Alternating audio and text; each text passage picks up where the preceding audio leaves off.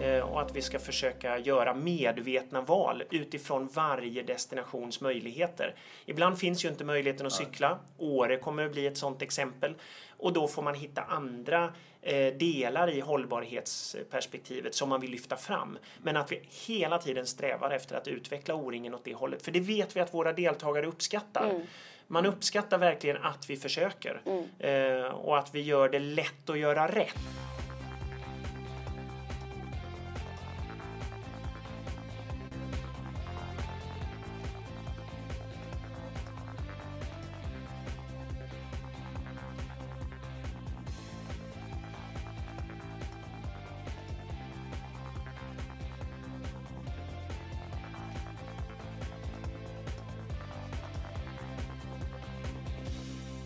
Hallå! Varmt välkomna till ett nytt avsnitt av Radio O-ringen Podcast nummer 128 i ordningen. Och nu är det så här att nu närmar vi oss det första anmälningsstoppet inför nästa års O-ringen 2020 i Uppsala. Ni vet de gula tröjorna som jag sett nu under ett par år här för att marknadsföra sitt arrangemang och sin vecka då, sin O-ringen-vecka nästa år i Uppsala. Jens Lindqvist tillsammans med Anna Karlström blev mina gäster för att eh, duka upp brickan inför nästa års O-ringen. Här får ni en hel del vad det gäller upplägget nästa år, både vad gäller skog och arenor och naturligtvis O-ringen-staden. Mycket, mycket intressant. Känslan är att de är redo för att ta hand om oss. Delad glädje Just det, det är ju mottot för Uppsala 2020. Så att nog kommer det bli en glad vecka. Det är absolut känslan. Så att det är bara att eh, lyssna, ta till er och eh, sedan då anmälningsstoppet. Första november är det som gäller eh, med en reducerad avgift inför O-ringen 2020 i Uppsala. Så att det är bara att luta dig tillbaka och eh, lyssna till Jens och Anna ifrån Uppsala 2020. Och vill ni ha kontakt med eh, Radio O-ringen och podden så skicka ett mejl bara till radio oringen.se. Önskegäster är ett bra tips. Vill gärna få in lite förslag och tips på framtida gäster här i podden. Men nu alltså, allt och inget inför O-ringen 2020 i Uppsala med Anna Karlström och Jens Linkvist. Och till att börja med så undrar jag hur de landade i mottot delad glädje. Ja, men vi landade i det när vi frågade både deltagare vad de förknippar med O-ringen men även funktionärer vad de ser fram emot.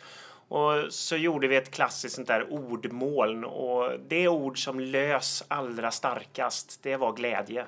Och därunder gemenskap. Men jag tror gemenskap när man tänker på det och, och vad man ser framför sig så är det väldigt mycket glädje. Så att eh, det kändes som att vi var väldigt nära kärnan av vad O-ringen är för de allra flesta deltagarna, glädje. Och då känner vi att dela glädjen, det är ett starkt ord både för deltagarna att komma hit och, och få känna det där, men också för funktionärerna. För O-ringen är ju så fantastiskt att det är för, av och med oss själva och med oss då menat orienteringsrörelsen. För ibland är man deltagare, oftast, men också då och då så är man funktionär och man vill gärna bjuda tillbaka. Mm. Så att ja, delad glädje känns väldigt genuint O-ringen. Och du då i din roll som projektledare här nu för eh, Uppsala 2020. Känner du glädje med, med jobbet och den här uppgiften och det ni har framför er? Ja, varje dag. Gör det? Ja. Det är klart att det är dagar då man brottas med tillstånd och man har utmaningar som man ser för stunden oöverstigliga. Men eh, då är det väldigt lätt att plocka upp den där sinnebilden av O-ringen och sommardagen och det nyslagna höet ute på arenan och doften och stämningen och de vajande flaggorna i vinden eh, och känna att eh, ja, men det blir ju gåshud liksom och att glädjen är ja, väldigt nära hjärtat. Det är mm. ur det sprunget. Så att ja, jag har guldjobbet eh, nu under några år att få göra det här. Min dröm. Mm. Fantastiskt. Anna Karlström. Ja.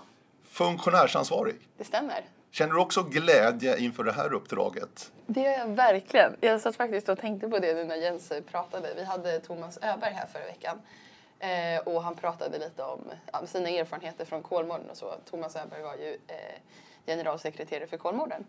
Eh, och då hade han, avslutade han med en stund när han fick berätta lite anekdoter från, från eh, Kolmårdens arrangemang. Och det som jag satt och tänkte på under tiden, jag satt och liksom lös och bara njöt. Jag tyckte det var otroligt. Och då fick man som en eh, försmak på den här, just det här delandet av en gemenskap och en glädje. Så jag sa det till Thomas efteråt att den här, för mig är den här liksom eh, historieberättande anekdottraditionen ganska stark inom orienteringsrörelsen.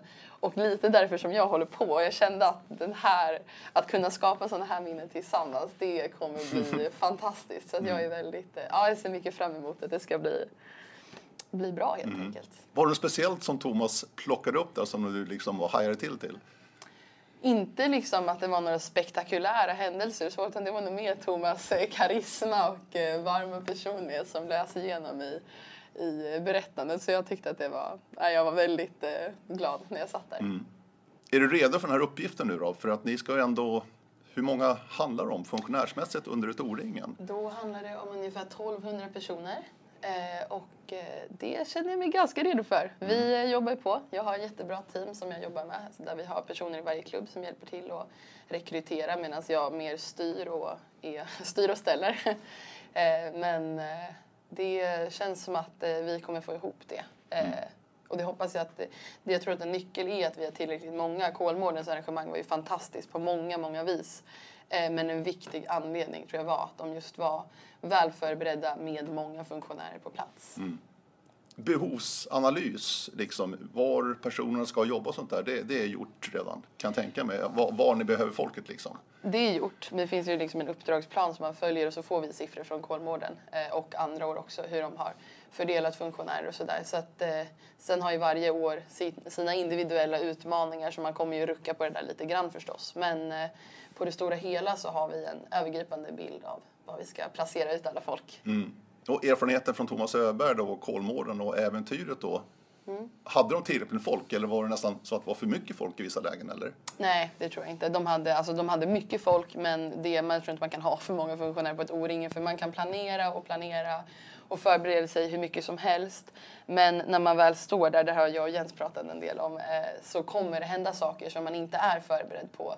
Eh, och då ska man ha liksom energin och orken att kunna genomföra det bra ändå eller lösa de situationer som uppstår. Om man då har tillräckligt mycket folk så kommer energin att finnas över. Mm. Så jag tror att det är en nyckel. Liksom. Mm.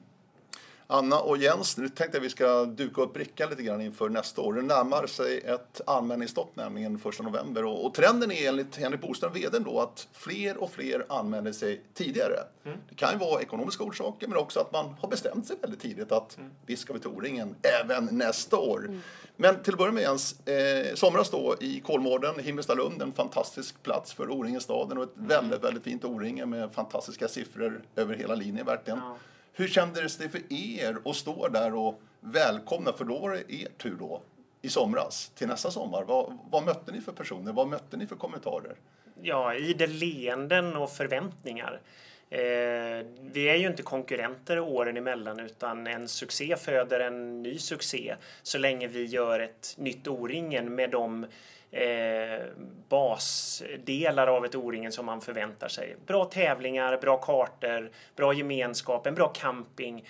Sen så kommer deltagarna och det är de som skapar stämningen.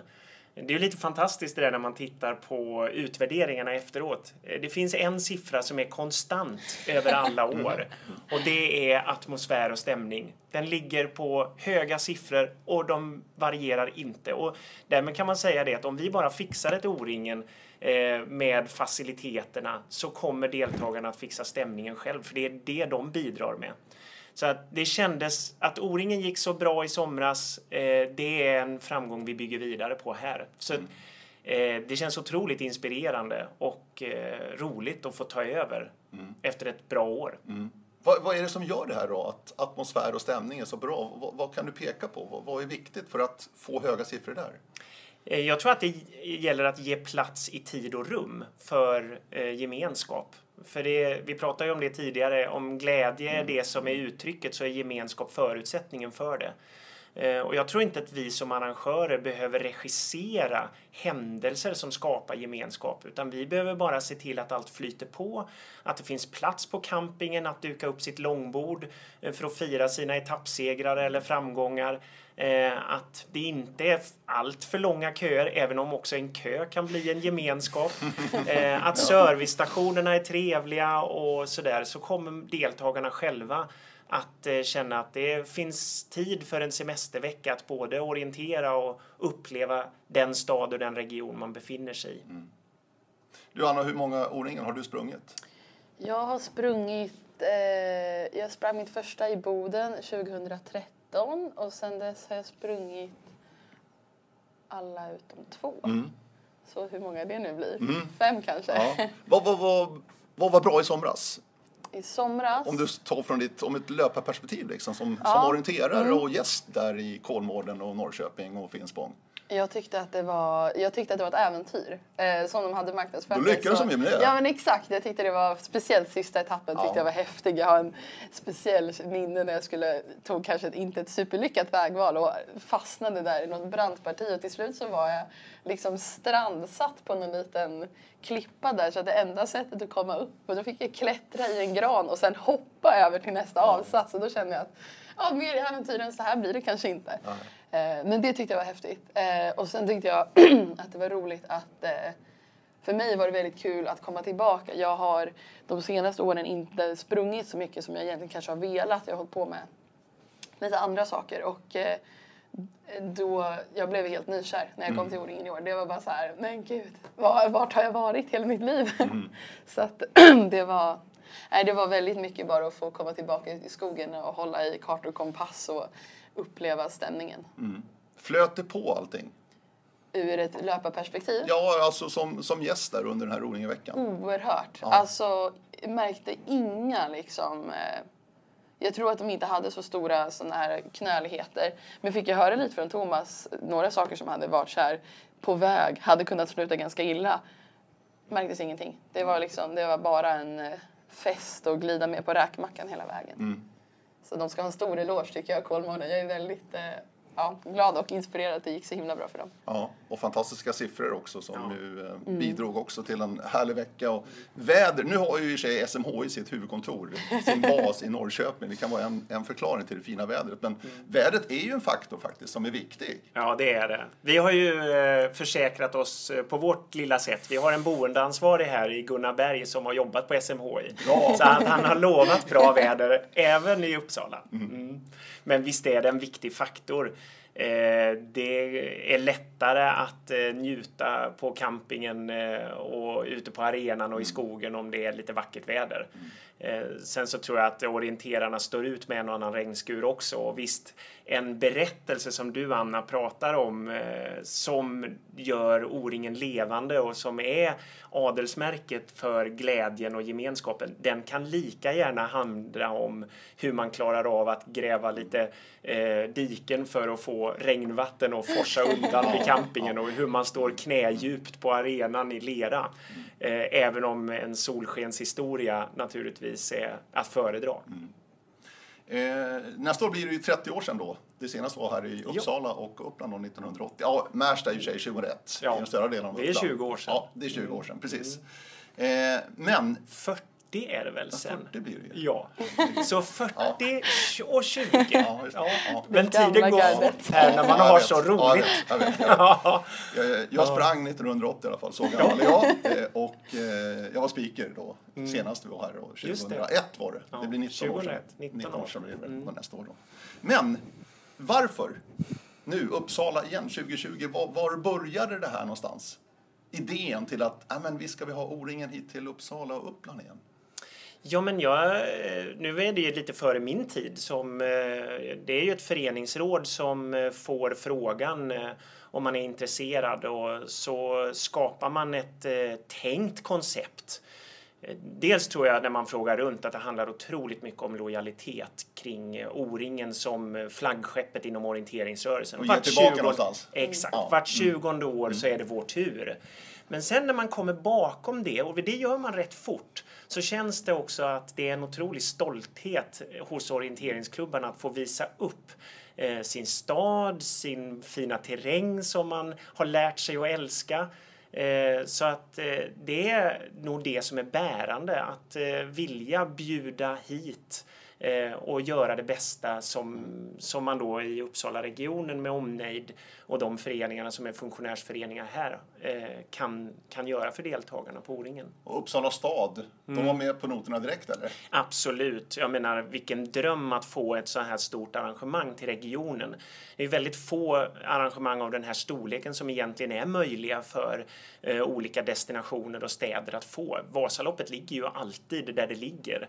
Men O-ringen vandrar runt så att eh, attraktionskraften i det arrangemanget för destinationen är väldigt stor. De står nog kanske mer på kö än våra föreningar som ska dra det där ideella lasset på 75-80 000 timmar. Eh, regionen vill gärna ha hit det för att de vet att det är väldigt lättskött. Tror du att en faktor framöver också O-ringen, att det kanske blir, att det vänder lite grann, att det är kommunerna, världsstaden, destinationer som går på klubbarna, men nu måste ni söka O-ring, vi vill ha hit er. Ja, och till dels kan man ju hoppas det för då eh, finns det ju också ett ansvar, ett, ett ökat ansvar från regionen att faktiskt hjälpa till. För vi går ju mot en ökad professionalisering. Man ska ju jämföra 2001 då som du pratar om, då kanske eh, ideella timmeantalet låg på runt 200 000. Nu är vi tack vare bra avtal med externa aktörer som gör väldigt mycket av O-ringen-arrangemanget men också väldigt bra avtal med våra eh, destinationer nere på 75-80 000 så att det är lättare för, för föreningarna att, att göra ett O-ringen. Eh, Men också en helt nödvändig utveckling för att vi ska överleva. För det är den sociala hållbarheten i att kunna genomföra ett O-ringen på rimligt liksom, sätt med rimliga insatser. Det kommer att vara nödvändigt i framtiden. Så att ja, destinationerna får gärna stå på kö och gärna elda på eh, men också hjälpa till. Men du Anna, eh, turisterna som kommer till Uppsala, alltså om vi ser rent generellt nu, varför åker man till Uppsala? Jag menar, här finns ingen Kolmården, det finns inget Liseberg, det finns inga av de sakerna av attraktioner egentligen. Nej, vi- Varför åker turister till Uppsala? Jag skulle säga att Uppsala är en ganska bra sommarstad, tvärtom Mm. mot vad många tror. Det är, det är mycket studenter här som Ja, det det åker ju. hem och så på sommaren. Eh, så eh, bor man i Uppsala kanske man upplever att Uppsala liksom stänger ner på sommaren. Men alltså, jag skulle säga att Uppsala är en skitbra stad. Eh, det är, Ja, men nu är ju partymålet. jag är partymål, men det finns massa saker att göra. Det finns, eh, man kan åka och bada, man kan besöka Fyrishov. Eh, är man intresserad av kultur finns det ganska mycket spännande saker att kolla på. Eh, Pelle Svanslös stad, för de som är lite mindre. Precis, tänkte jag komma. Pelle Svanslös är ju viktigt tycker jag. Pelle Svanslös är viktig. Han, eh, är Vi såg ju han i somras. Ja, Pelle Svanslös svettades där på upploppet i somras. Han tyckte att det var varmt Ja, att jo, ta jag sig fram det. där. Men han tyckte också att det var kul att komma på besök. Han hoppas att det är många som kommer hit och Ja. vill träffa honom på plats här Ja. också. Så eh, det finns en hel del saker att ta sig för i Ja. Uppsala på sommaren. Sen har ni domkyrkan, Ja, Uppsala slott. Ja, väldigt dem, fina Men- byggnader. Och plus då Carolina Rediviva och som en gammal studentstad verkligen. Utav, Alltså för den som är intresserad av böcker är det verkligen en rekommendation. De har precis renoverat, det har blivit superfint och Mm. det finns jag brukar hänga där ibland. Jag tycker det finns så mycket roliga saker att kolla på där. Eh, gamla böcker, första upplagorna av Newtons grejer liksom. Eh, ja, det, är, det är fantastiskt Ja, tycker jag. ja, Superspännande. ja.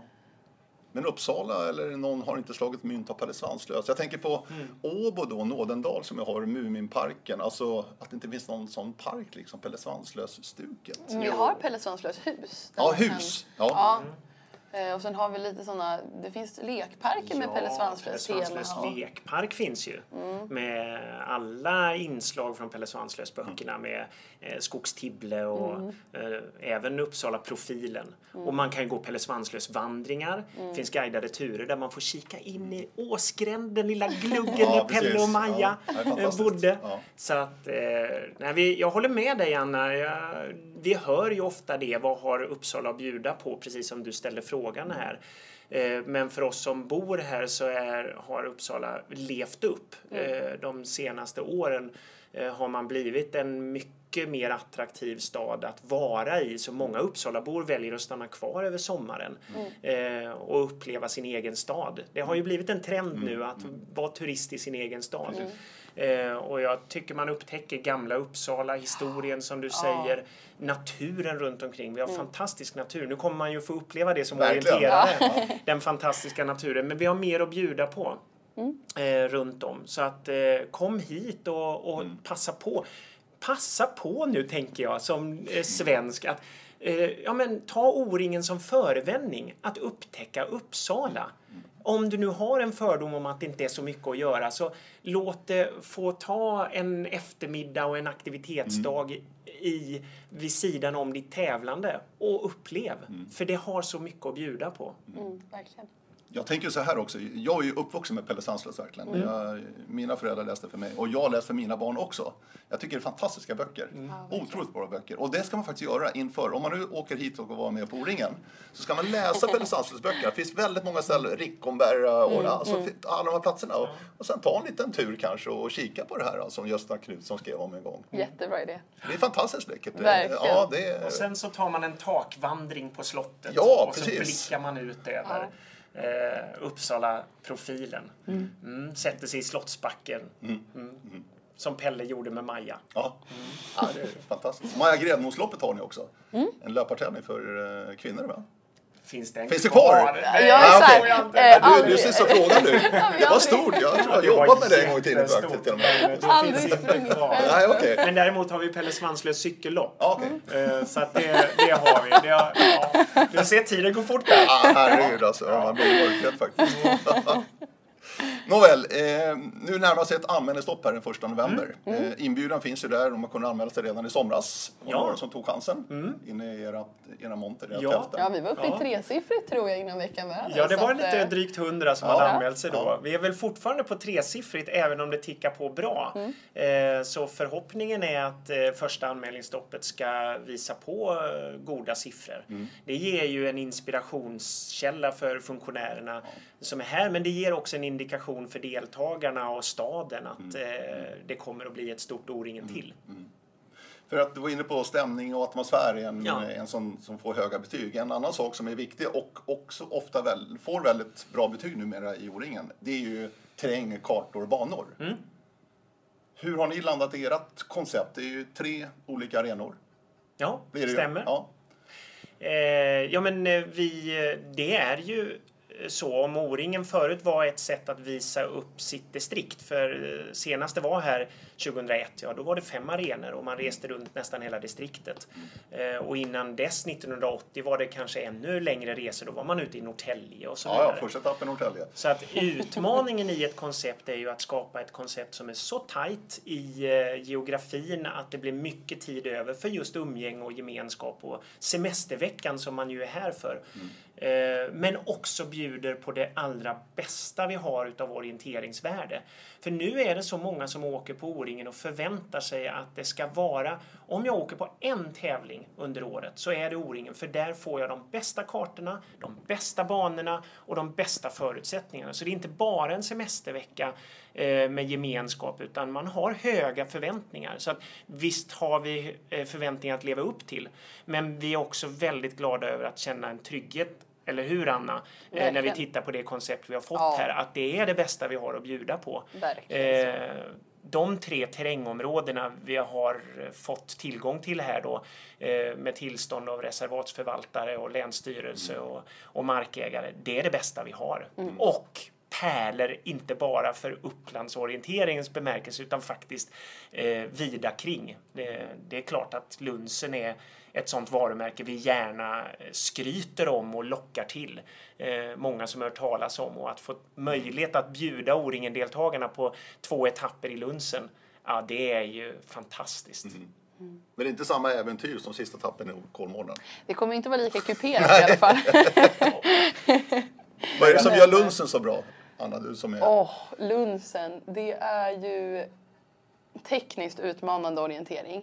Det kommer gå att lägga banor för alla där, men eh, för de svåraste banorna är det att hålla tungan rätt i mun och eh, ha bra kartkontakt om man vill lyckas där, för det är Eh, ja, det, det kräver sitt att orientera i Lunsen. Eh, men det är en upplevelse, det är häftigt. Det är, eh, att få eh, liksom ligga på så pass i orienteringen som man måste göra där. Det är inte alla terrängtyper förunnat. Så att, eh, jag tycker att det är väldigt eh, det är spännande att springa.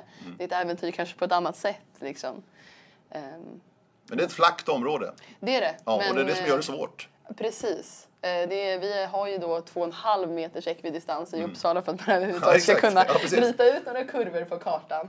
Eh, Så att eh, det, är- ja, det är spännande att springa där. Det kommer nog... Ja, det skiljer sig från mycket annat. Och arenorna, eh, Lunsen är ju avslutningen då utav Ja. ja. O-ringarveckan, alltså etapp 4 och 5. Ni börjar in i stan verkligen, men väldigt nära stan. Mm. Det börjar i Nosten som är ett friluftsområde det också. Och jag tror kanske en bubblare som kommer att överraska positivt också. På vilket sätt då? Eh, Ja men eh, Nosten har eh, minst lika fina terrängpartier. Blandat i och för sig med lite större mossar och eh, något grönområde eftersom det är brukad terräng i lite högre utsträckning än det mer sammanhängande reservatet Lunsen. Men banläggarna har gjort ett fantastiskt arbete och mejsla ut de absolut finaste bitarna utav Nosten. Så jag tror att många kommer att uppleva det som en väldigt fin start eh, på O-ringen. Eh, det ligger väldigt nära båda arenorna. Eh, Pattons hage då för Nostenetapperna och Flottsund för Lundsenetapperna ligger ju på 3-4 kilometers avstånd från O-ringen-staden och den södra delen utav Uppsala. Eh, Så att det blir en bra start eh, på, tror jag, eh, på den arenan. Det känns som att ni har måste stora cykelparkeringar för att det här känns som cykelavstånd Jens. Ja, och det är faktiskt många som undrar, va? Går det inga bussar överhuvudtaget? Ja, just det. Gör det Eh, Ja, det gör det. Vi kommer att bussa de som vill. Möjligtvis att vi kommer att vända på det för att vi vill inte gå med överkapacitet. Det handlar ju om en, eh, ett hänsynstagande till miljön, att inte gå med för många bussar. Så att kanske är det så att vi till våren kommer att fråga de som har anmält sig, kommer du att vilja ha bussbiljett? Och så får man boka på sin gratis bussbiljett då, för att det ingår ju i deltagaravgiften att få bussning om man vill. Men det är som du säger, vi tror nog att de flesta kommer att vilja cykla om man har med sig cykel. Packa in dem i husvagnen eller sätt dem på kroken på bilen och ta med dem. Och då kan det ju faktiskt röra sig om upp till 10 000 cyklar. Och 10 000 cyklar, det är många cyklar som ska få plats någonstans i ett bostadsområde nära Pattons hage och nere vid Flottsund. Eh, För de som har landat inne på Uppsala centralstation och sett alla de cyklar som står parkerade i cykelställ så vill jag bara säga att där står det runt 7000 cyklar. Och då kan du tänka dig hur många mer det är eh, vid arenan. Så att ja, det är väl vår trafikutmaning. Eh, det är cyklarna.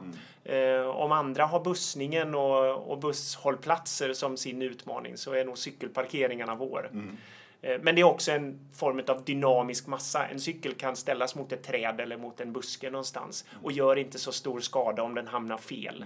Eh, Så att vi tror nog att vi kommer att lösa det jättebra. Men du Anna, Uppsala studentstad betyder naturligtvis att det är många som cyklar. Men är det en bra cykelstad? Alltså finns det mycket cykelvägar? Uppsala är en fantastisk cykelstad. Det är så? Jag tror att vi till och med, rätta mig om jag har fel, men jag tror att vi har fått pris för årets cykelstad två år i Wow. rad. Jaha. Eh, otroligt utbyggt cykelvägsnät. Nät, liksom. Ja, precis. Eh, mycket, man, eh, jag har inte cyklat någonting i Stockholm, däremot har jag varit ganska mycket i Stockholm. Helt annorlunda för den som har besökt den staden. Så, alltså Uppsala är ju liksom mycket öppnare, det finns cykelbanor i princip överallt. Så det är verkligen att rekommendera att ta cykeln hit. Även då för att kunna besöka stan när man Ja, har. Det- För vi har ju väldigt... Det kan väl Den ta... är rätt tjorvig bilmässigt den här stan inne i centrum. Ja, men det är inte liksom, eh, det är inte ett alternativ skulle jag vilja Nej. säga. Det är bara att ta cykeln Ja, och ja. rulla ner från, det kommer gå fort och ner från eh, O-ringen-staden ner till Uppsala. Det tar inte mer än, vad kan det ta, 10-15 minuter. Mm. Eh, och sen så är du i staden och kan ta dig runt. Eh, liksom, ja, det är ju så himla smidigt så Mm. att, eh, det kommer bli jättebra med cykel. Ja. För det är väl det vi känner som om styrkan för orienter, ur orienteringsperspektiv är våra områden som vi har Ja. fått. Så det är ju så häftigt att det har hamnat så nära. så det blir ju verkligen precis. ett O-ringen-koncept som eh, ligger i linje med vår ambition eh, att öka hållbarheten. Både ekologiskt, ekonomiskt och eh, socialt. Men i det här fallet då ekologiskt, att man får ett eh, koncept som, som bygger på sådan närhet att man kan ta cykeln hit och minska sitt ekologiska fotavtryck just under den här O-ringen-veckan. Eh, Så att eh, det är vi ju väldigt glada för. Och jag vet också att staden, med tanke på det du säger Anna, att man är cykelfrämjarstad nu i två år, gillar att vi presenterar ett sånt här koncept. Eh, Så att det ligger väl i hand med, med stadens ambition att vara en klimatstad. Och även O-ring jobbar ju hållbart nu i tiden. Ja, de närmaste fem åren, även om strategin inte är helt spikad i talande stund, eh, så pekar väldigt mycket på att just eh, hållbarhet blir ett fokus för O-ringen. Eh, Men inom alla tre dimensioner då, ekologiskt, ekonomiskt och- socialt. Eh, Och att vi ska försöka göra medvetna val utifrån varje destinations möjligheter. Ibland finns ju inte möjligheten att cykla. Åre kommer att bli ett sådant exempel. Och då får man hitta andra delar i hållbarhetsperspektivet som man vill lyfta fram. Men att vi hela tiden strävar efter att utveckla O-ringen åt det hållet. För det vet vi att våra deltagare uppskattar. Man uppskattar verkligen att vi försöker eh, och att vi gör det lätt att göra rätt. Eh, som deltagare. Man vill inte ta plastmuggen i, i vätskan utan man gillar att det är genomtänkt och medvetna val från arrangörens sida. Och då hjälper man till. För att plocka godispapper på arenorna, det vet vi att man är bra på. Man lämnar inte mycket skräp Nej. efter sig. Eh, Men det ska också vara väldigt lätt att eh, sopsortera och, och göra det man, man så gärna vill för miljöns skull. Eh, De som är matematiskt kunniga nu har räknat fram till fyra etapper. Det saknas en. Ja. Två vid Nosten, två Flottsund. Och sen är det en etapp kvar. Ja, Var, var, en- vart är vi? En liten eh, oslipad diamant är det ju inte, för den var slipad och färdig nästan. Det här är ju en favorit i repris. 2001 pratade om förut, då gick andra etappen ut i Östuna och efteråt var det många som sa att wow, vilket område. Och därför var det dit vi sökte oss när vi konstaterade att eh, Nosten och Lunsen var fullutnyttjade på sina två etapper. Så åkte vi dit ut och började prata med markägarna och titta på terrängen igen. Och visst har det hänt en del där ute på 20 år, så är det med brukad mark. Men terrängen bjuder fortfarande på fantastiska upplevelser och lite annan karaktär. Om det är flackt eh, här inne så är det lite mer kuperat. Eh, och lite större storskog så än vad naturreservaten bjuder på här inne. Så att eh, jag tror att det kommer uppskattas som ett litet avbrott. En utflykt ut från stan, det är 20, 25, 30 minuter med buss dit ut. Eh, och man får komma ut på landet, eh, få lite frisk luft utifrån stadens eh, smog och trång. Nej, så är det inte. Men eh, jag tror att det kommer uppskattas som eh, ett och två in i stan, ut på utflykt och så fyra och fem in i stan. Så Östuna. Håller, du- håller du med Jens vad det gäller terrängbeskrivningar? Inte riktigt som Lunsen och Nosten. Det är det inte. Jag är faktiskt inte så väl bevandrad Nej, i. Östuna-terrängen måste jag erkänna. Men jag har hört eh, av diverse erfarna orienterare som vi har här i trakten. Eh, pratar mycket med Mats Troeng om Östuna. Han pratar gott om det. Han gör det? Eh, Ja. Som är en av banläggarna. Ja, det är precis. Och han har varit ute och jag vet inte hur många timmar. Han har, det är sjukligt hur många timmar han har spenderat där ute. Jag hörde faktiskt också, det var roligt att prata med en kompis från min orienteringsklubb i, bara igår som hade tidigare i höstas träffat på Thomas, Thomas Stenström där ute. Då hade han berättat att ja, för 20 år sedan hade han varit där och sprungit och hittat svamp. Så nu skulle de tillbaka till samma Jaha. ställe och försöka hitta det. För att det var fint där ute just. Så att jag tror att det kommer bli eh, häftigt. Jag ser fram emot att få besöka det lite mer under året. För vi ska ju ut och kika såklart lite pre så innan Precis. det börjar. Lite provspringa också Ja, kanske? ja, självklart. Men fast provspringningarna är väl i så gott som gjorda, eh, våra testlöp så. Men vi kommer ju ge oss ut och Ja, Det ska ju mer än en person till ut och kika i skogen innan vi är klara med O-ringen 2020. Ja, exakt. Ja. Du, innan vi vinklar ner mot uh, O-ringen-staden så tänkte jag eh, mountainbike-orienterarna eh, som ju var hyggligt antal säger jag. Jag fort, Ja, väntar var det. fortfarande på den här boomen ändå. Att det ska växa till sig ännu mer under O-ringen mountainbike-orienteringen som är ändå ett jättefint arrangemang tycker jag för mountainbike-orienterarna. Och precisionsorienteringen är också tillbaka nästa år här i Uppsala. De var ju inte med i år på grund av ja, lite olika orsaker. Apropå glädje, det är väl jätteroligt. Ja, Ja. ja, men vad erbjuder ni de här som håller till också mountainbike-orienterarna och precisionsorienterarna nästa år här i Uppsala. Ja, de har ju ett ännu tajtare koncept. För där Det är är det cykelavstånd till alla etapper. För när vi åker ut till Östuna eh, och då säger jag vi eftersom Anna och jag är fotoorienterare mest. Jag har prövat på mountainbike-orientering och precisionsorientering också. Men när vi åker dit ut så finns det inte riktigt så bra eh, stigsystem för mountainbikarna och inte heller för precisionsorienterarna. Så då eh, har de en etapp in i stadsskogen. Eh, lite skilda i tid för att de inte ska krocka med varandra. Men de kommer, och Stadsskogen ligger ju lika nära som Nosten och, Lund, och Lunsen för, eh, för dem. Så att är man mountainbike-orienterare då ska man verkligen sikta på att antingen bo på O-ringenstaden eller i något privatboende i närheten och ta med sig bara cykeln. Eh, för då cyklar man till etapperna eh, alla fem dagar. Annars är det samordning som det var i Norrköping väldigt mycket också i Uppsala. Ja, Alltså rent eh, arenamässigt. Ja, förlåt. Alltså etapp 1 och 2, eh, samma arena. Etapp 1, samma arena för alla tre discipliner. OL och mountainbike och precisionsorientering. Precisionsorienteringen är i samma område men på en liten egen arena etapp 2. Etapp 3 då mountainbike och precisionsorientering på samma arena. Eh, förmiddagen för precisionsorienteringen och mountainbiken på eftermiddagen. Och etapp 4 och 5, alla tre grenar på samma arena. Fantastiskt. Delad glädje och gemenskap. Jättekul! Eh, det är så det ska vara. Men en utmaning. Alltså när alla ska gå i mål på samma arena och mountainbiken svischar in över Flottsundsbron eh, så ska man ju helst inte krocka med någon. Eh, så att det kräver en viss logistik men det är värt mödan. Eh, just för att vi vet att så många familjer består av både och. Några som håller på med orienteringslöpning, någon som håller på med mountainbike-orientering och någon som kanske vill prova på precisionsorientering när det ligger nära. Och då är den geografiska närheten för de här disciplinerna och att man samsas på samma arena en av förutsättningarna att klara av det. Och det är ju naturligtvis jätteroligt. Som jag sa, det, det var ju ökning över hela linjen i somras då i Norrköping. Det var ju väldigt fina deltagarsiffror. Och även mo- mountainbike-orienteringen ökar ju lite grann i somras då jämfört med året innan. Hur, hur ser du Jens, eller ni? Har ni något, eh, någon strategi liksom för att få ännu fler att hoppa på cykeln istället? Ja, men Eller är det så att man tar från fotoorienterarna att de går efter cykel eller kan man hitta nya deltagare, gäster till O-ringen? Det är så jag tänker lite grann. Vi, eh, en utav, och då handlar det inte bara om mountainbike-orientering men eh, en utmaning och en, en eh, möjlighet som vi ser det är ju att Uppsala är en storstad och väldigt många friluftsintresserade. Och här har ju O-ringen en potential där vi inte lyckats nå hela vägen fram, nämligen att locka invånarna att pröva på.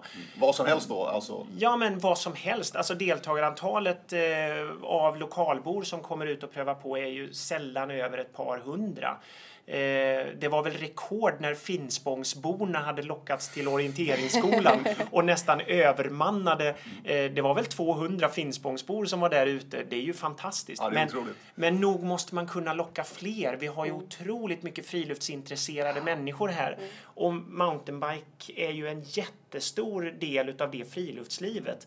Eh, och hitta ut orienterarna som inte är de traditionella orienterarna. Vi har ju 3000 registreringar här i Uppsala varje år.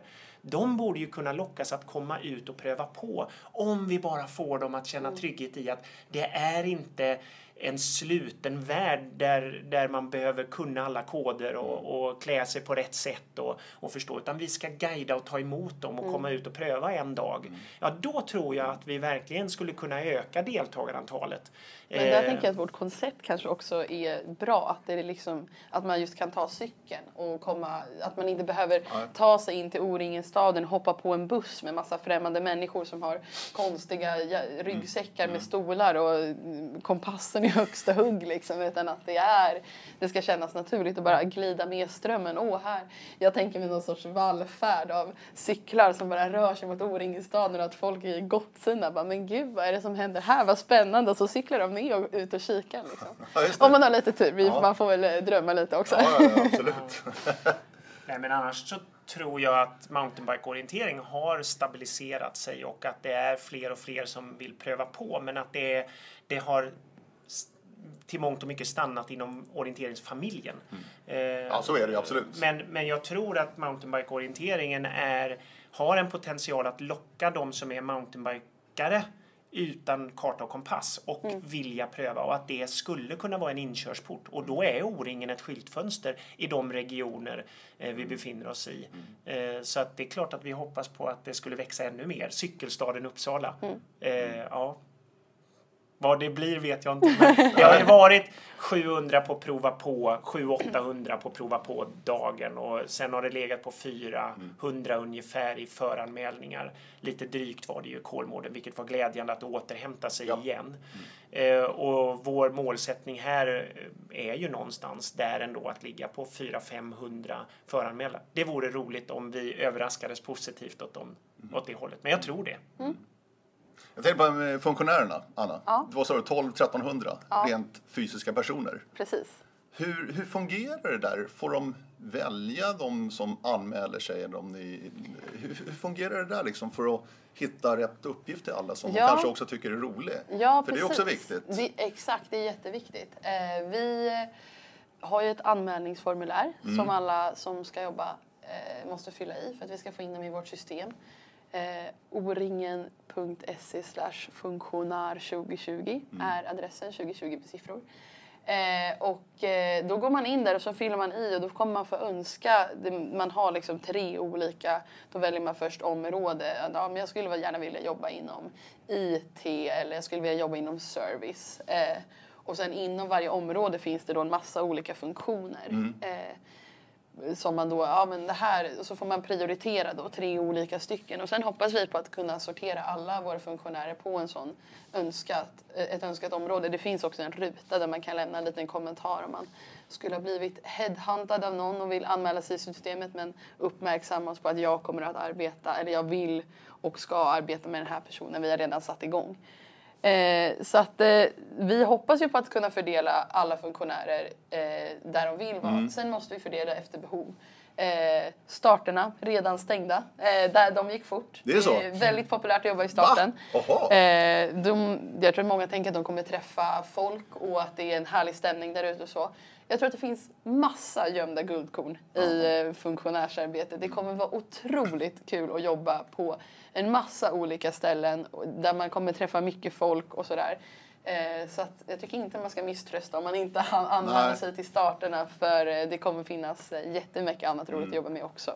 Det var så kul när jag jobbar då varje år med O-ringen så på morgnarna där framför allt så brukar jag gå bort till serveringarna, marketenterierna och det här. Ja. Eh, håller på att få en kopp kaffe där på morgonen så man vaknar till lite grann. Och där stod ju varje morgon kommunstyrelsens ordförande i Finspång. Och serverade? Jajamän! Ja, Ja, ja, ja. fint! ja men det var jag. fantastiskt. Det var så kul Otroligt. alltså. Just det här, Finspång var häftigt för att de hade verkligen lyckats där i det samhället då. Ja. Inte jättestort men verkligen lyckats få någon O-ringen-anda liksom i Finspång. Det var otroligt häftigt tyckte jag. Ja. Ja. Nej, det Så det är kul sånt där tycker jag. Ja, men det är det. Det, det engagerar ju... ju verkligen bygden. Ja, exakt, Ja, precis. ja, För det märkte vi ju i Övik för två år sedan då hur de som hyrde ut sina bostäder, invånarna där, de blev väldigt positivt inställda och engagerade kring O-ringen. Så att man blev ambassadörer och det, det får man inte man får inte glömma det att de som bor här är också glädjespridare. Ja. Att vara välkomnande och vara en god värd, det kan ju vi göra så långt vi kan, vi orienterare och funktionärer, de 1200. Men det är staden som välkomnar och då gäller det ju för oss att prata positivt under förberedelseåren här i Uppsala om O-ringen och vad de kan förvänta sig. Så att man står där med ett leende förväntansfull även som Uppsalabo eh, och kanske inte ryggar undan och tänker vad är detta för ett åbäke till arrangemang som stör trafiken. Eh, och det tycker jag att vi har lyckats med de senaste åren att få eh, Finspång som du nämner som ett väldigt gott exempel. Ja. Eh, vad var det kommunalrådet berättade om? Två stycken mejl hade kommit in till kommunen efteråt eh, som var av den negativa karaktären. Och det brukar vara många, många fler när någonting drabbar en stad som är så stort som O-ringen. Ja. Eh, och vi hoppas ju naturligtvis att Uppsalaborna kommer att känna att gud vad kul, det här ska vi vara med och bjuda upp till. Ja, vi ska sätta Uppsala på kartan. Det är Sveriges fjärde största stad nu va? Ja, är det så? Mm. Ja. Och det har det väl varit. ja, det har det varit. Ja, det är sant. Det är Och sant. växer så det knakar. Det Snart byggs är det väl... överallt. Ja, Som vanligt alltså. ja, det är helt otroligt. Men hur Och det- många personer eh, räknar man här i Uppsala? Ja, Nu eh, satte du mig på pottan, Ja. men jag har alltid sagt 200 000 drygt. Jag tror att vi är Ja. 250 000. Jag tror någonting. också att det rör sig upp mot de siffrorna. Jag kommer Mm. ihåg när vi firade den 200 000, 200 000, ja. medborgaren i Uppsala. Det var några år sedan. Men sen dess har det fortsatt växa. Så jag tror också att vi börjar närma oss 250 000. Mm. Det är mycket folk. Och tal om funktionärer, 12-1300 som du pratar om Anna. eh, En av Sveriges absolut största och mest aktiva orienteringsklubbar finns här, OK Linné. Ja, min hemklubb Din hemklubb, din moderklubb. Men ni är flera klubbar som Ja. ingår i det här arrangemanget. Hur många klubbar är det totalt? Vi är sju klubbar totalt. Åtta klubbar Åtta totalt klubbar, är vi, ja. precis. Eh, så att, eh, Och det är framförallt därifrån funktionärer kommer, eller hur ser det där ut? Ja, vi försöker ju att hålla oss eh, enbart på dem. Eh, och tror att vi ska kunna lyckas med det. Eh, jag vet att andra O-ringen har haft eh, mindre möjligheter funktionärsmässigt och då har man plockat in lite fotbollslag och lite olika så. Men vi hoppas kunna hålla oss liksom internt inom orienteringsrörelsen. Både för att det kanske blir enklare. Eh, om man är orienterare och har varit på ett O-ringen så vet man hur det funkar. Det är kanske lite lättare att ta, ta ansvar på det sätt som vi önskar att funktionärerna ska kunna göra. Men sen så är det ju också att eh, varje klubb får ju ersättning. Och kan vi hålla det inom orienterare, ja men då är det mer pengar ut Absolut. orienteringsrörelsen. Ska vi ta oss söderut då, då till O-ringenstaden hörni? Ja. Tänkte jag, för att det är också en viktig ingrediens här för O-ringen och många vill fortsatt bo här på O-ringstaden, även om det är fler och fler som hittar eh, egna boendet också. Mm. Men O-ringstaden, Himmelstalund var ju en fantastisk plats för en O-ringstad, det måste jag säga. Ja, Med de faciliteter och de ytor verkligen. Ja, så vart en samlad fin, vart en samlad O-ringstad Ja. också, som många uppskattade. Ja, verkligen. Och här blir det också samlat. Ja, det blir det. Kanske nästan ännu mer samlat. Ja. Även om vi inte konkurrerar på något sätt. Det var precis som du sa Per. Det, det, det är ju drömmen att ha en sådan yta som är så nära in till O-ringen, torget där liksom hjärtat och pulsen är. Men också nära till de andra områdena på. För man vill ju träffa sina klubbkompisar i någon annan klubb också. Och då är det kul när det är så nära. Här tror jag att vi har mätt upp till 500 meter som längst för den som bor i ytterändarna av våra områden in till torget. Och allting är på samma, inom samma radie. Så att eh, 2400 platser lite drygt eh, inritade på, på ett område som kanske inte har gräsmattor men väl en klippt vall som nog ska uppfattas som en gräsmatta Ja. till nästa år. Och väldigt fina ängar runt om Statens veterinärmedicinska anstalt nere på Ultuna. Ungefär 3-4 kilometer söder om Uppsala centrum. Då. Jag tänkte vi ska ta det här från, eh, från domkyrkan, för det är en av Sveriges rakaste vägar är det, som leder ner till Ultuna. Ja, du vet och var den kommer ifrån, så. Nej, du får berätta det där. Ja, men... Det är ju så fräckt, tycker jag. Ja, drottning Kristina, hon ville se domkyrkan från vilket håll hon än kom Mm. på en mils avstånd. Så att om man tittar uppifrån eh, så är det som ett kors från, med domkyrkan i mitten. Är det sant? Eh, ja, så norrifrån en mil, söderifrån en mil. Eh, så är det faktiskt så att man, ja nu är det lite igenväxt, men domkyrkan är där på blickavstånd. Mm. Eh, så Dag Hammarskjöldsvägen som är vår åder ner mot O-ringenstaden, den är spikrak. Ja, Eh, och den går från domkyrkan ner till O-ringenstaden och hela vägen ner till Flossund, Flossund ja. som är vår arena. Ja. Så den ligger på den eh, nord-syd-linjen. Ja, det är häftigt det där faktiskt. Jaha. Ja, man måste kolla på ett flygfoto. Gå in på Google Sen Maps skulle och man kolla. kunna drista sig till att det finns två saker som tyder på mänskligt liv på jorden som man kan se från månen. Det ena är kinesiska muren och det andra är Dag Hammarskjöldsvägen. Men det är nog att dra historien lite för långt Per tror jag. Ja, jag tror det. Ja, ja, Men det. vi kan väl ändå få... Ja. Men hur, hur, hur gick det till när ni liksom la er här med. O-ringenstaden vid Ultuna? Ja, men det finns ju egentligen tre förutsättningar för att ett O-ringen ska hamna på en destination. Att eh, föreningarna ställer upp med tillräckligt många funktionärer, att man kan räkna hem det. Att eh, destinationen ställer upp med det ekonomiska stöd och den goda vilja att ha O-ringen, men också att vi har en plats för campingen.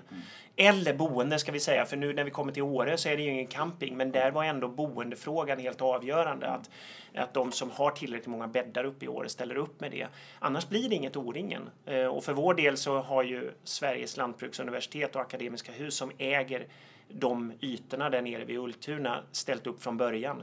Så det handslaget var väldigt viktigt och det har känts otroligt varmt och genuint från eh, Sveriges lantbruksuniversitet och Akademiska hus att vilja göra det här mm. till en O-ringens stad. Så det är vi otroligt glada för. Mm. För 1980, då var det till Gränby, var det inte det? Mm. Har jag för mig. Det var innan ja. motorvägen fanns också, E4. Innan som... motorvägen ja. och innan alla idrottsarenor. Ja, det också. nu är det ju en idrottsstad mm. ute i Gränby där O-ringenstaden var. Eh, nej, det här ligger mycket bättre till för våra eh, arenor och våra tävlingsområden nere i Ultuna och mycket naturskönare skulle jag vilja säga också mm. med närhet till Uppsala åsen och till den vackra naturen och Fyrisån, Årummet och Åriket. Mm. Annars då, eh, inte någon facilitet, ja faciliteter finns det naturligtvis, men det går inte att jämföra med Himmelstalund då, som vi har allt verkligen på samma ställe. Nej, vi har ingen hockeyhall att ha invigningen i. Eh, vi har inte något, eh, någon luftkonditionering i deltagarservice.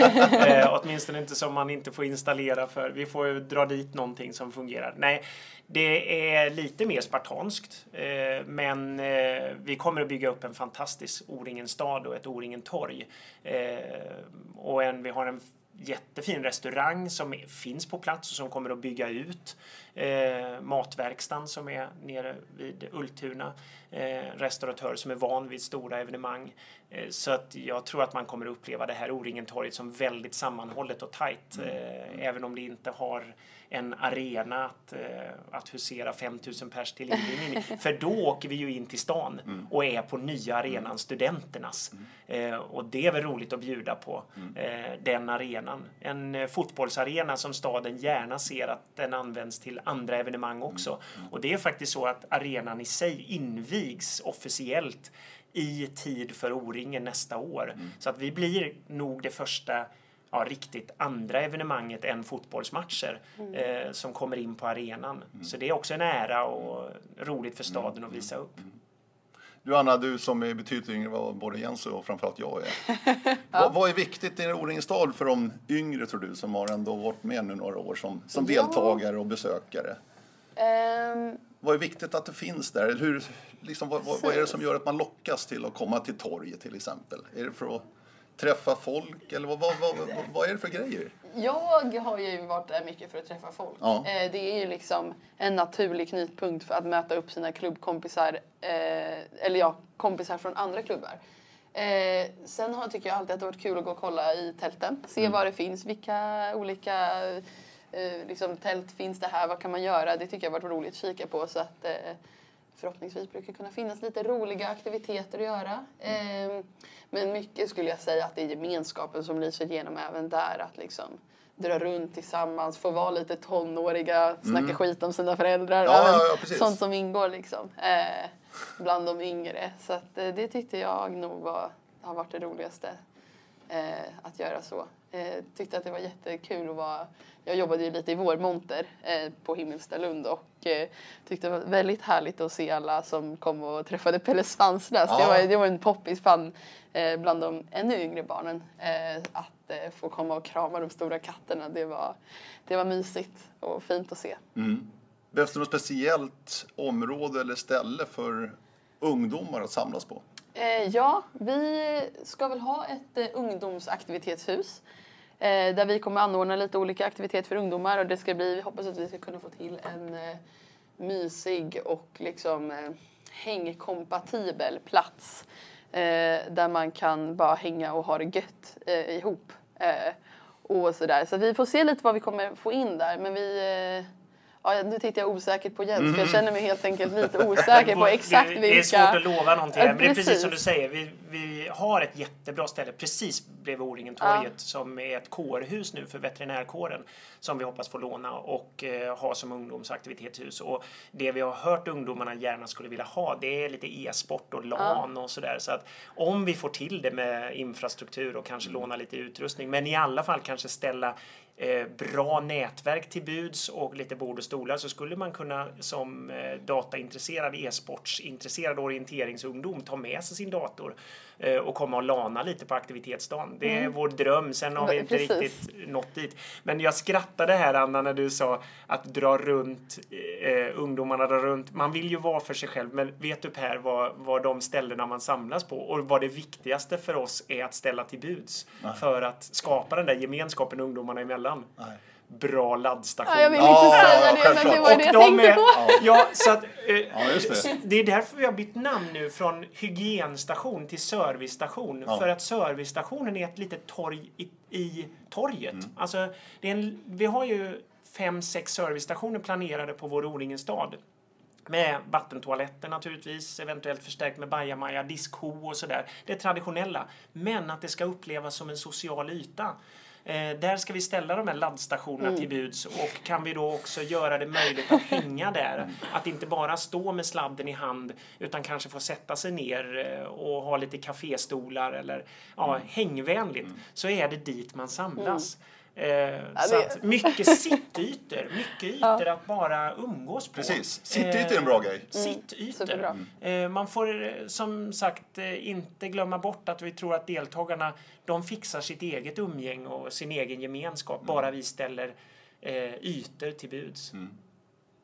Spännande. Du var inne på studenternas invigningen och Bagheera-stafetten precis som vanligt. Mm. Ja. Det är ett, det är ett Med paket. klubblov. Det är ett paket nu för tiden. Ja. Mm. Ja, precis. Med plugglov. Jag tror det blir ännu fler lag nästa år. Ja, jag hoppas det. Vi Hur har ju många var det i somras? 150. 50 satte de väl streck till. Ja, Och ungefär. vi eh, har nog inga begränsningar egentligen, även om vi säger hanteringsmässigt att vi tror att vi kan landa på 200-250 lag. Mm. Eh, Men vi har inga problem att ta oss in och ut på arenan eh, på samma sätt, vilket var en begränsning Mm. kanske i år om jag förstod det riktigt. Men så att det hoppas vi på, att det blir en riktigt stor tävling. Mm, Det är ju en fantastiskt rolig startskott på något sätt på, Ja.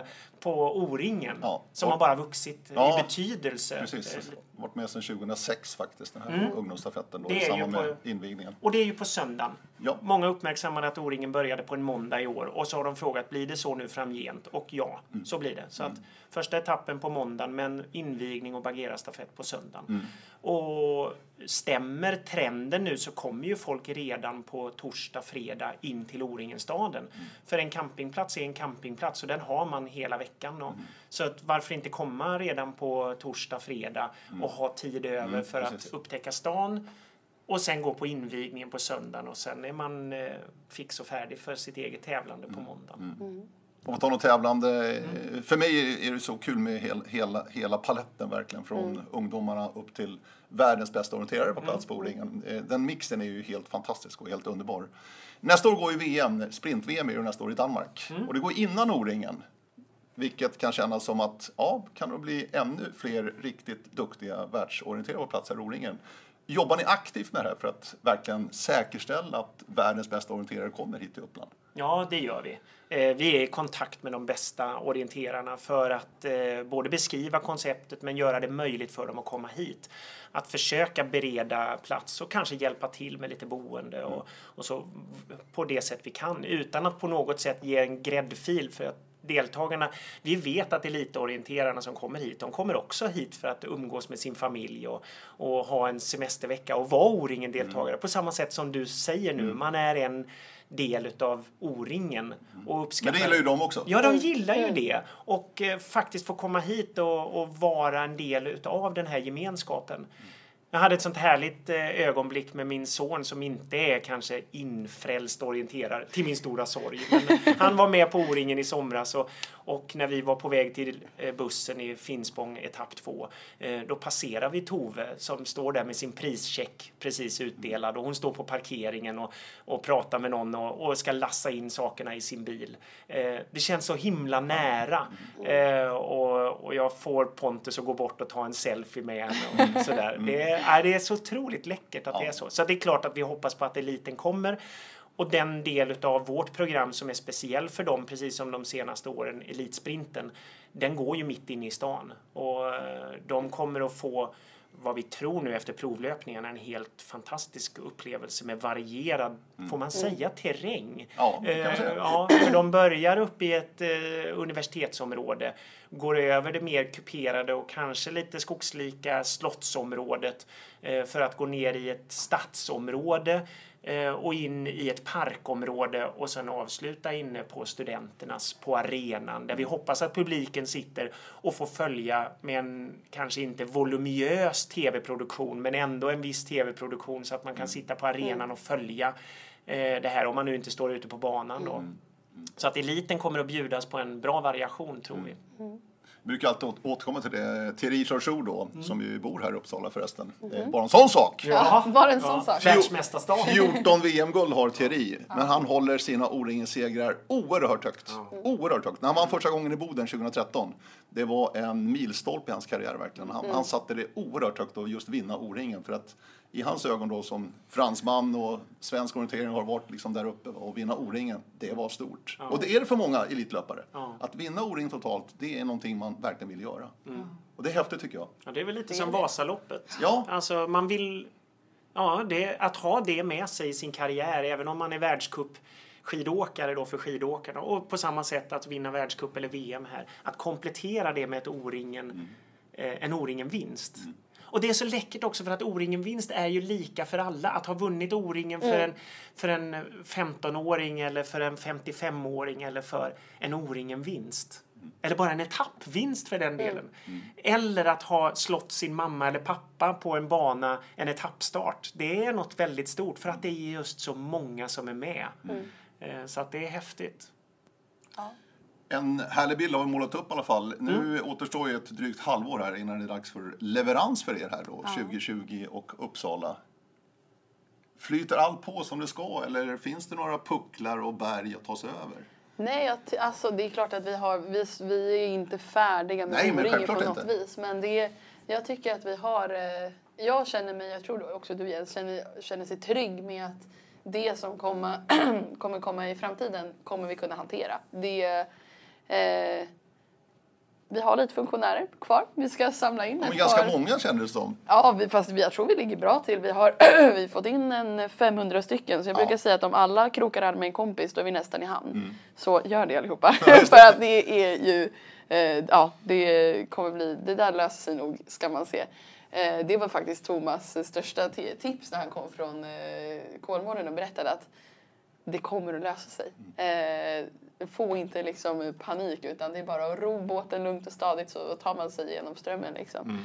Eh, så att ja, det är på funktionärssidan har vi några, två an- ansvarsroller som jag skulle vilja att vi tillsätter så snart som möjligt egentligen i VA och logistik. Men annars känner jag mig väldigt trygg med att, och jag känner mig trygg med dem också.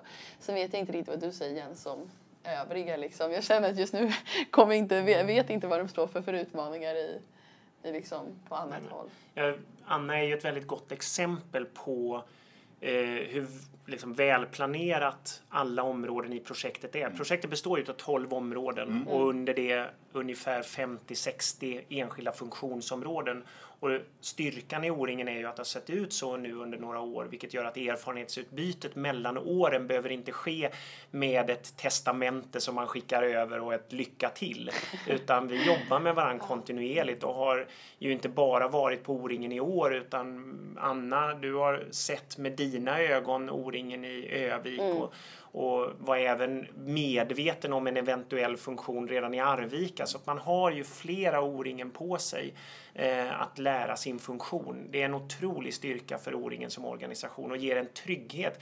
Jag gick omkring och kände en otrolig glädje och stolthet över vår organisation när jag pratade med, för det var min uppgift lite i somras att prata och checka med alla som då hade en funktion i vår organisation. Känn, känner du att du är trygg med ditt uppdrag?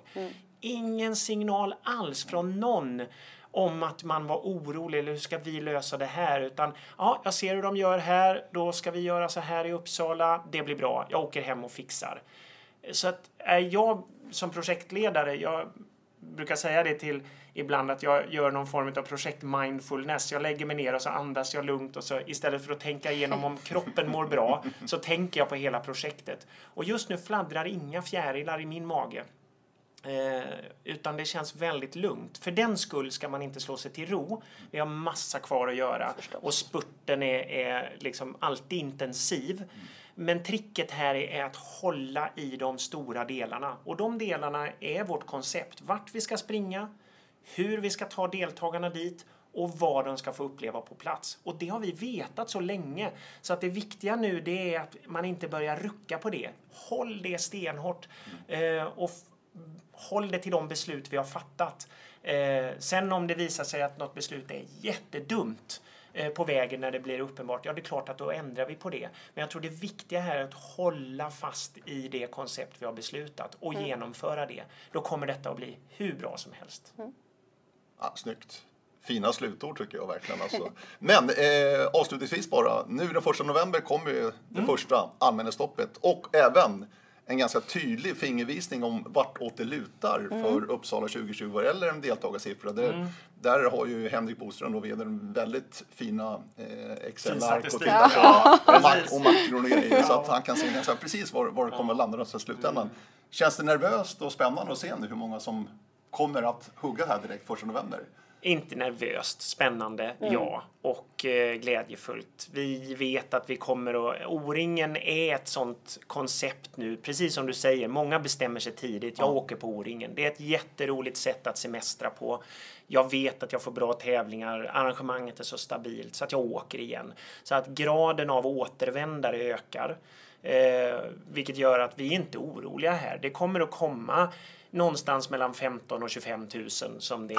Och, ja, I det- runda slängar. Ja, i runda slängar. Och, och vi tror att ja, men, det, det är inte så viktigt att konkurrera på det sättet om, utan det viktiga är att det är tillräckligt många för att man ska uppleva gemenskap. Jag ska kunna åka på O-ringen och vara säker på att jag träffar några av de kompisar jag, jag vill träffa. Ja, men det gör de ju. Eh, och det gör de Ja. ju. Så att är vi inte oroliga, men det är klart att vi vill bjuda så många som möjligt på vår upplevelse som, som vi tycker är fantastisk här. Eh, men siffran är inte superviktig ur varken ett ekonomiskt perspektiv eller, eller ett upplevelseperspektiv.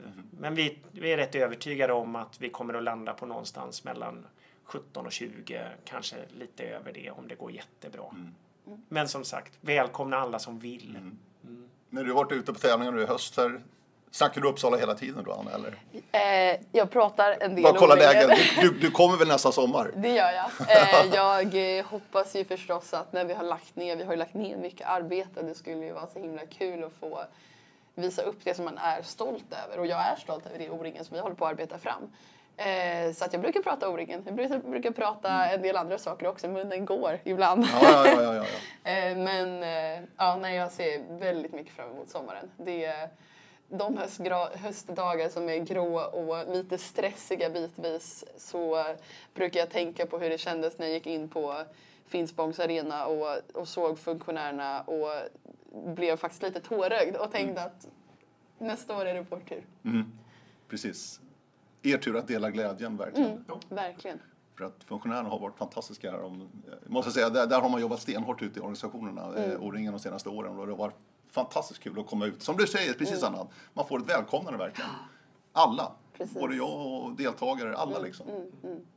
Stolthet Ja, också, faktiskt. som du säger. Väldigt mycket. Ja.